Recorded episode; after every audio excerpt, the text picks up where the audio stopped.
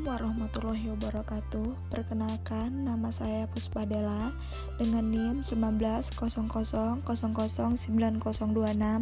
Pada kesempatan ini, saya akan menjelaskan dan sedikit menyampaikan materi PPKN kelas 12 bab 4 tentang dinamika persatuan dan kesatuan bangsa dalam konteks NKRI Negara kesatuan adalah negara tunggal yang monosinteris, terdiri hanya satu negara, satu pemerintah, satu kepala negara, satu badan legislatif yang berlaku bagi seluruh wilayah negara.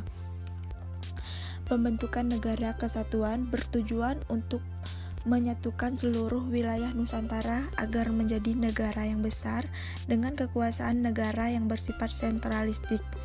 Beberapa perundang-undangan yang menjadi dasar hukum negara kesatuan antara lain Pasal 1 ayat 1 UUD 1945 yang berbunyi Negara Indonesia adalah negara kesatuan yang berbentuk republik. Selain itu juga disebut dalam pasal 18 ayat 1, pasal 18B ayat 2, pasal 25A, dan pasal 37 ayat 5 juga dipertegaskan dalam pembukaan Undang-Undang Dasar 1945 alinea keempat. Persatuan dan Kesatuan Bangsa pada masa reformasi kemerdekaan pada tanggal 18 Agustus 1945 sampai 27 Desember 1949. Bentuk negara, kesatuan, bentuk pemerintah, republik, presiden sebagai kepala negara sekaligus sebagai kepala pemerintahan. Sistem pemerintahan presidensial Undang-Undang atau Konstitusi Undang-Undang Dasar 1945. Pada masa ini baru terbentuk Presiden, Wakil Presiden, Menteri serta Gubernur. Departemen berjumlah 12 departemen. Provinsi terdiri atas 8 wilayah yaitu Jawa Barat, Jawa Tengah, Jawa Timur, Sumatera, Borneo, Sulawesi, Maluku, dan Sunda Kecil.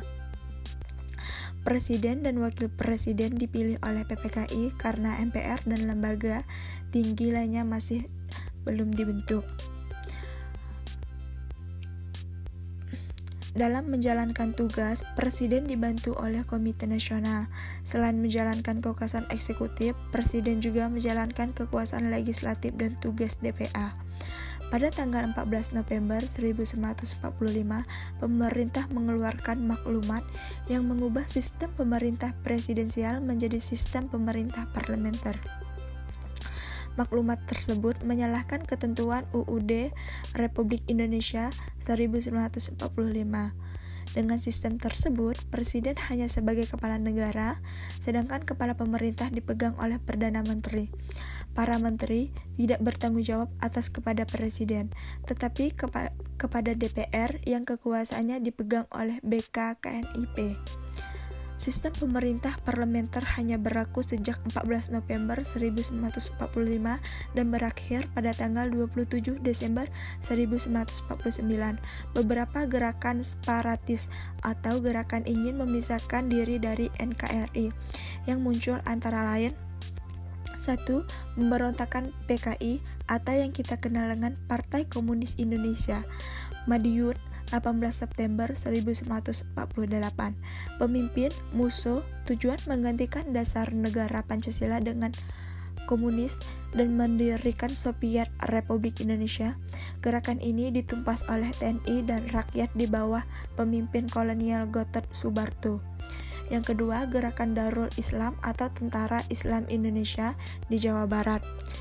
Pemimpin SM Kurto Sumaryo tujuan membentuk negara Islam Indonesia. Gerakan ini berhasil ditumpas oleh TNI dan rakyat melalui operasi pagar betis di Gunung Geber. Persatuan dan Kesatuan Bangsa pada masa reformasi kemerdekaan pada tanggal 27 Desember 1949 sampai 17 Agustus 1950. Pada masa ini, pegangan negara atau Konstitusi Republik Indonesia Serikat tahun 1949 bentuk negara federasi atau serikat dengan 15 negara bagian bentuk pemerintahan republik, sistem pemerintahan sistem parlementer kabinet semu, yang salah satunya karakteristiknya adalah pengangkatan Perdana Menteri dilakukan oleh Presiden, bukan oleh parlementer, sebagaimana lazimnya.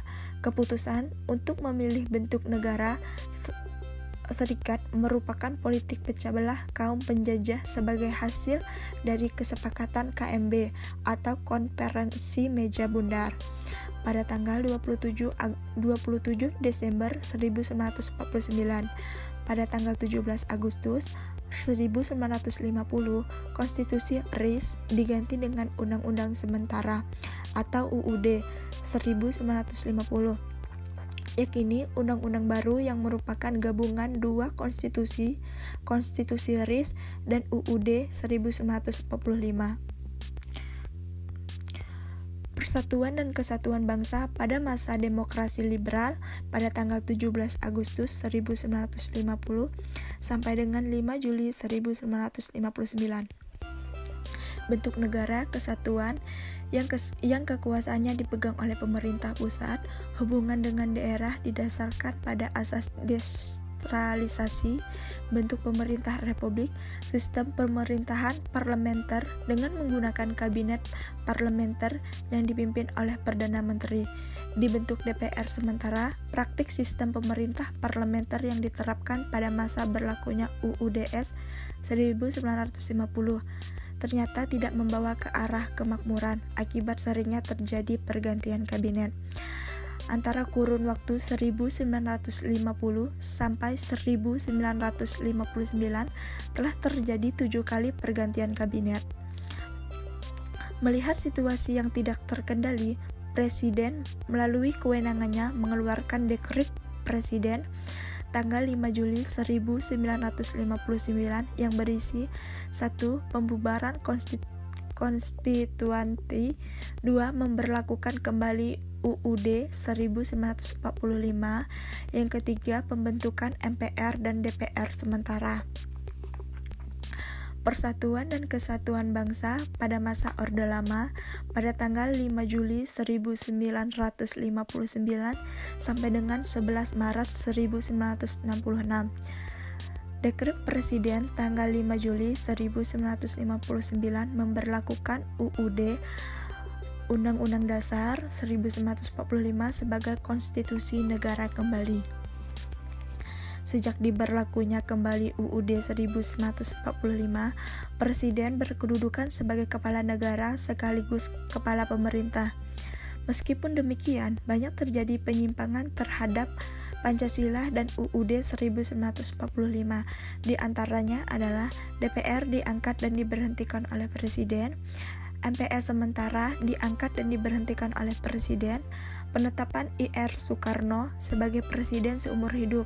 Hal ini antara lain adalah akibat dari penetapan demokrasi terpimpin. Persatuan dan Kesatuan Bangsa pada masa Orde Baru pada tanggal 11 Maret 1966 sampai dengan 21 Mei 1998. Orde Baru dimulai setelah berakhirnya demokrasi terpimpin pada tahun 1966. Prioritas utama pemerintah Orde Baru bertumpu pada pembangunan ekonomi dan stabilitas nasional yang menetap. Sistem pemerintah yang diterapkan adalah sistem pemerintah presidensial. Kelebihan dari sistem pemerintah Orde Baru antara lain yang pertama, naiknya pendapat per kapita, yang kedua, suksesnya program transmigrasi, dan yang terakhir, yang ketiga, memerangi buta huruf. Adapun kelemahan sistem Orde Baru, yang pertama di bidang ekonomi, terjadinya praktik monopoli ekonomi. Yang kedua, prak di bidang politik, kekuasaan berada di tangan lembaga eksekutif. Dan yang terakhir, di bidang hukum, maraknya kasus KKN dan lemahnya supremasi hukum. Persatuan dan Kesatuan Bangsa pada masa re reformasi periode 21 Mei 1998 sampai sekarang. Periode ini disebut era reformasi. Gejolak politik di era reformasi antara lain upaya penegakan kedaulatan rakyat dan tekad mewujudkan pemerintah yang bersih dari KKN. Pada masa ini telah dilakukan amandemen atas Undang-Undang Dasar 1945 oleh MPR sebanyak empat kali. Perubahan tersebut telah mengubah peran dan hubungan presiden dan DPR atau Dewan Perwakilan Rakyat menjadi lebih profesional atau berimbang. Perubahan mendasar dalam ketatanegaraan Indonesia setelah perubahan undang-undang antara lain yang pertama, kedaulatan di tangan rakyat dan dilakukan menurut Undang-Undang Dasar. Yang kedua, MPR terdiri dari anggota DPR dan DPD. Dan yang ketiga, presiden dan wakil presiden dipilih langsung oleh rakyat. Yang keempat, pencantuman hak asasi manusia atau HAM. Yang kelima, negara kesatuan tidak boleh diubah. Dan yang keenam, anggaran pendidikan minimal 20%. Yang keenam, pembentukan Mahkamah Konstitusi dan Komisi Yudisial. Dan yang terakhir adalah penghapusan DPA. Sekian penjelasan materi tentang dinamika persatuan dan kesatuan bangsa dalam konteks NKRI. Saya akhiri. Wassalamualaikum warahmatullahi wabarakatuh.